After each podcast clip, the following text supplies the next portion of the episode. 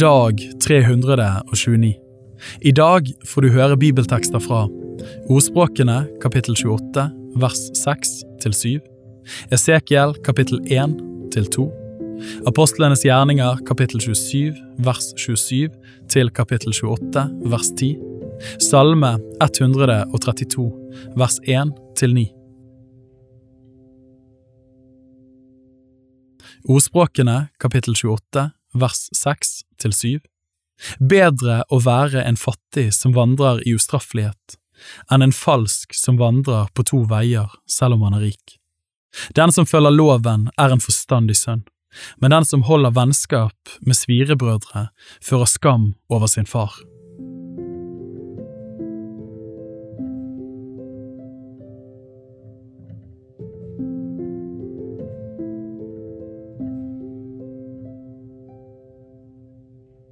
Esekiel kapittel 1 til 2 Det skjedde i det trettiende året, i den fjerde måneden, på den femte dagen i måneden, mens jeg var blant de bortførte ved elven Kebar, at himmelen åpnet seg, og jeg så syner fra Gud. På den femte dagen i måneden, det var det femte året etter at kong Jojakin var blitt bortført. Da kom Herrens ord til presten Esekiel, Busis sønn, i kaldeernes land ved elven Kebar.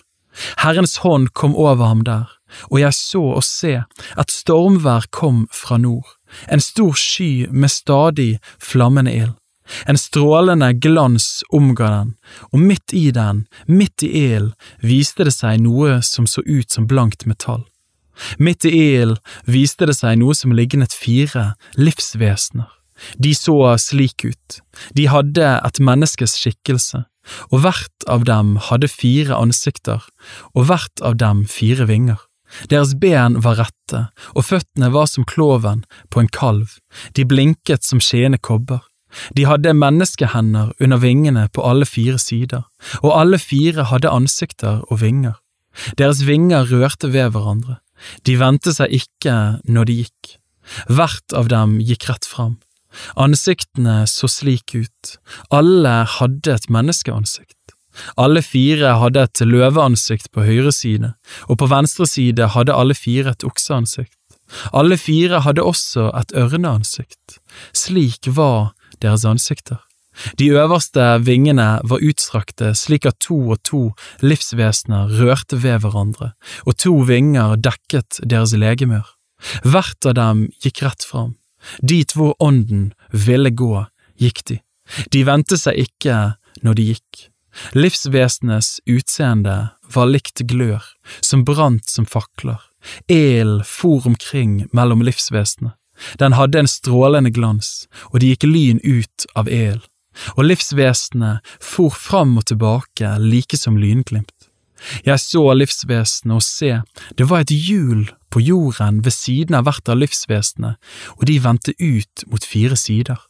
Hjulet så ut som om de var gjort av noe som lignet krysolitt. De var alle fire lik hverandre, og det så ut som om de var gjort slik at det ene hjulet var inne i det andre. De gikk til alle fire sider, og de vendte seg ikke når de gikk. Hjulringene var høye og fryktinngytende, de var fulle av øyne rundt omkring på alle fire hjulene. Når livsvesenet gikk, så gikk hjulet ved siden av dem, og når livsvesenet hevet seg opp fra jorden, så hevet også hjulet seg.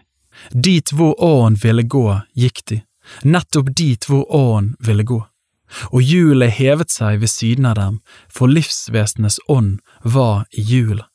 Når livsvesenet gikk, så gikk også de, og når de sto, så sto også de, og når de hevet seg opp fra jorden, så hevet hjulet seg ved siden av dem, for livsvesenets ånd var i hjulet.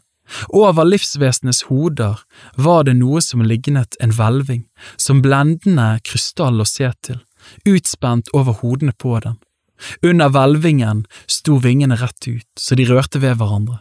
Hvert av dem hadde på begge sider to vinger som dekket deres legemer. Når de gikk, hørte jeg lyden av vingene deres. Det var som lyden av store vann, som den allmektiges røst, en larm som larmen av en leir. Når de sto, senket de sine vinger. Det lød en røst over hvelvingen som var over hodet på dem, Når de sto, senket de sine vinger, og over hvelvingen som var over deres hode, var det noe som så ut til å være av safirsten, og som lignet en trone. Og på det som lignet en trone, var det en skikkelse, som et menneske å se til. Fra det som syntes å være hoftene og oppover, så jeg noe som lignet blankt metall, som ild å se til, med en ring av lys omkring. Fra det som syntes å være hoftene og nedover, så jeg noe som lignet ild, den var omgitt av stråleglans. Som synet av buen i skyen på en regnværsdag, slik var synet av glansen rundt omkring. Slik så Herrens herlighet ut, slik den viste seg for meg, og da jeg så det, falt jeg på mitt ansikt, og jeg hørte røsten av en som talte. Kapittel 2 Og han sa til meg, Menneskesønn, stå opp på dine føtter så jeg kan tale med deg. Og da han talte til meg, kom åren inn i meg. Han fikk meg til å stå på mine føtter, og jeg hørte på ham som talte til meg. Han sa til meg, Menneskesønn, jeg sender deg til Israels barn, til hedningene, til opprørerne som har gjort opprør mot meg. De og deres fedre har vært troløse mot meg helt til denne dag. Til barna med de frekke ansiktene og harde hjertene sender jeg deg, og du skal si til dem, så sier Herren Herren, enten de hører eller lar det være, for en gjenstridig ett er de, så skal de vite at en profet har vært midt iblant dem. Men du, menneskesønn, frykt ikke for dem, og frykt ikke for deres ord. For nesler og torner er du omgitt av, og mellom skorpioner bor du. Frykt ikke for deres ord, og bli ikke forferdet for deres åsyn, for en gjenstridig ett er de. Du skal tale mine ord til dem, enten de hører eller lar det være, for gjenstridige er de. Men du, menneskesønn, hør på det jeg taler til deg. Vær ikke gjenstridig som denne gjenstridige ætten. Lukk opp din munn og et det som jeg gir deg. Og jeg så, og se, en hånd var rakt ut til meg, og i den var det en bokrull. Og han bredte den ut foran meg. Det var skrevet på den både på fremsiden og på baksiden, det var klagesanger og sukk og vedrop som var skrevet på den.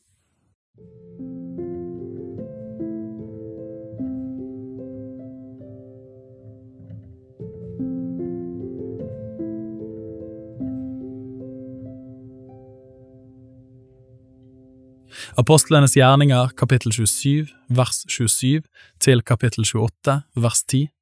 Da den fjortende natten var kommet og vi drev omkring i Adriaterhavet, skjønte sjøfolkene midt på natten at det bar mot land. Da de loddet, fant de tjue favner, men da det kom et lite stykke lenger og loddet igjen, fant de femten favner. Da de fryktet for at de kanskje kunne støte på skjær, kastet de fire ankeret ut fra akterstavnen og ønsket bare at det måtte bli dag. Men sjøfolkene ville prøve å rømme bort fra skipet. De firte livbåten ned på sjøen under det påskudd at de ville legge anker ut fra forstavnen. Da sa Paulus til høvedsmannen og soldatene, dersom ikke disse blir om bord i skipet, kan dere ikke bli reddet. Da kappet soldatene tauene på livbåten og lot den drive bort. Da det led mot dag, oppfordret Paulus alle til å spise, og han sa, I dag er det den fjortende dagen dere har gått i spenning uten mat, uten å ta noe til dere, derfor ber jeg dere å ta føde til dere, for det hører med til deres frelse. For det skal ikke falle et hår av hodet på noen iblant dere.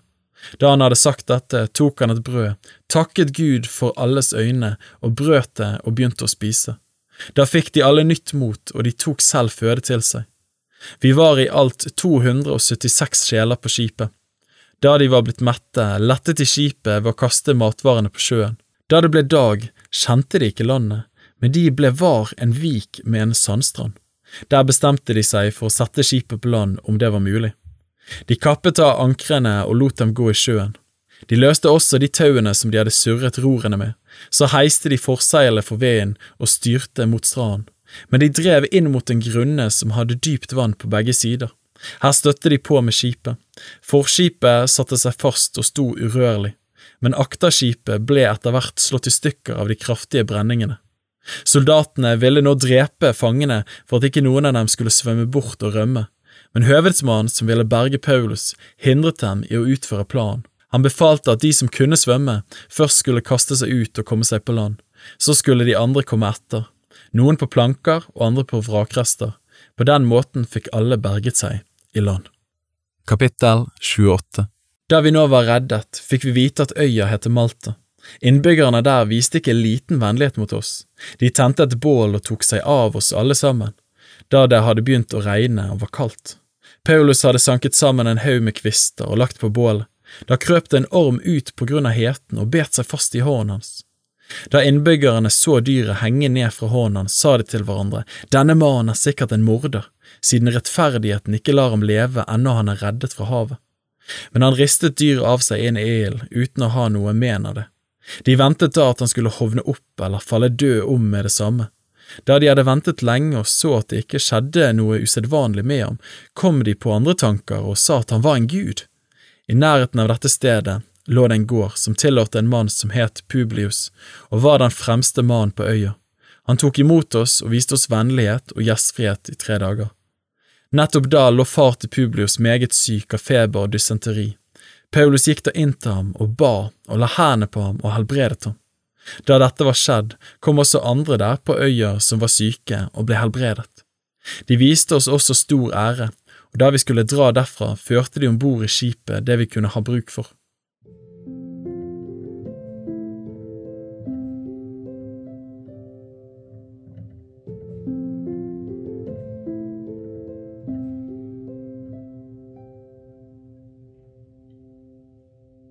Salme 132, vers 1 til 9 En sang ved festreisende Herre, kom David i hu for all hans fornedring.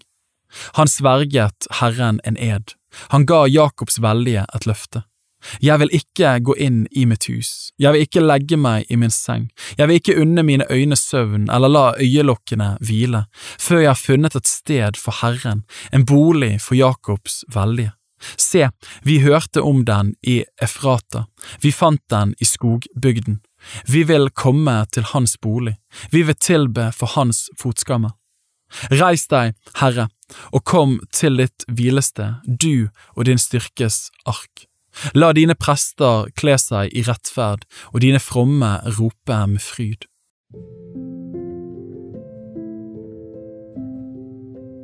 Bibel på ett år er lest av meg, Daniel Sæbjørnsen, i regi av Tro og Medier. Oversettelsen er Norsk bibel 8807, og bibelleseplanen er hentet fra deres bok Ett års bibel.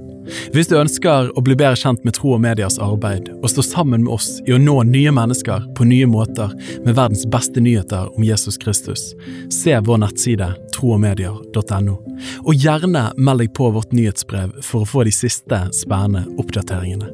Ha en velsignet dag videre.